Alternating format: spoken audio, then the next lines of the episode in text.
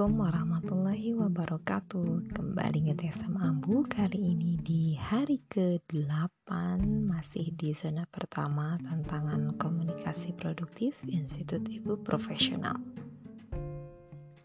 Kali ini komunikasi yang dilakukan Yaitu kepada dede bayi ya Dede yang paling kecil. Ketika itu dia sedang mengekspor beberapa mainan sehingga ia penasaran ya, cukup antusias dengan menjatuhkan beberapa barang. Sehingga ia itu tahu oh suara barang kalau jatuh seperti ini dan dia menjatuhkan beberapa barang yang akhirnya membuat barang-barang itu berantakan di rumah. Baik itu mainan, buku ataupun barang-barang lainnya. Nah, di antara barang-barang yang berserakan, saya mencoba mengajaknya untuk merapikan kembali ya.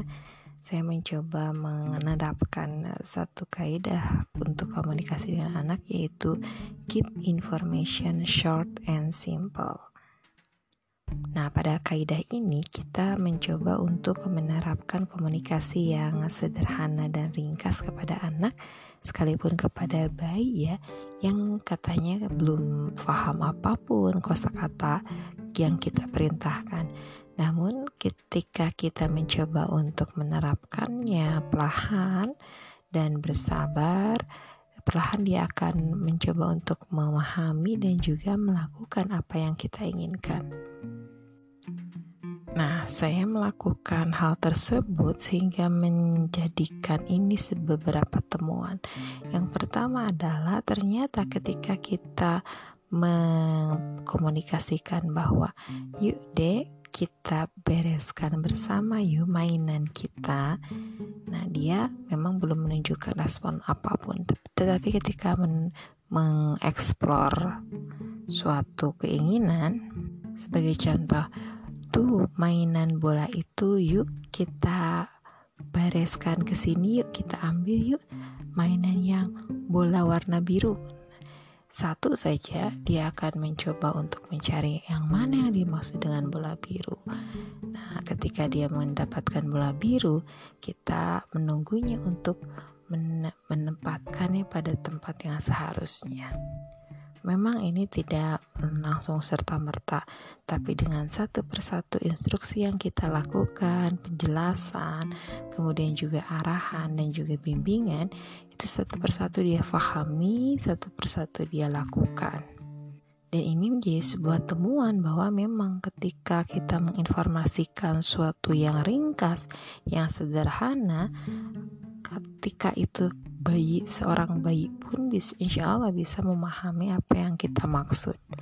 Nah tantangannya akan tapi dibutuhkan ruang kesabaran ya bagi kita untuk menjelaskan apa yang kita maksud Lalu juga memberikan ruang waktu bagi dia untuk memahami Ruang waktu kita untuk menunggu apa yang akan dia lakukan Seperti itu ya dan ini menjadi sebuah poin komunikasi bahwa memang komunikasi yang sederhana dan ringkas itu sangat mudah dipahami dan juga akan dapat dilaksanakan dengan mudah oleh anak-anak. Selain itu, kita menjadi sebuah tantangan untuk menjelaskan dan bersabar lebih banyak lagi. Rencananya untuk ke depannya akan menggunakan kaidah tersebut ya keep information short and simple. Memberikan sebuah informasi apakah itu instruksi apakah itu hanya sekedar ajakan ataupun juga suruhan itu bersifat sederhana dan juga ringkas ya.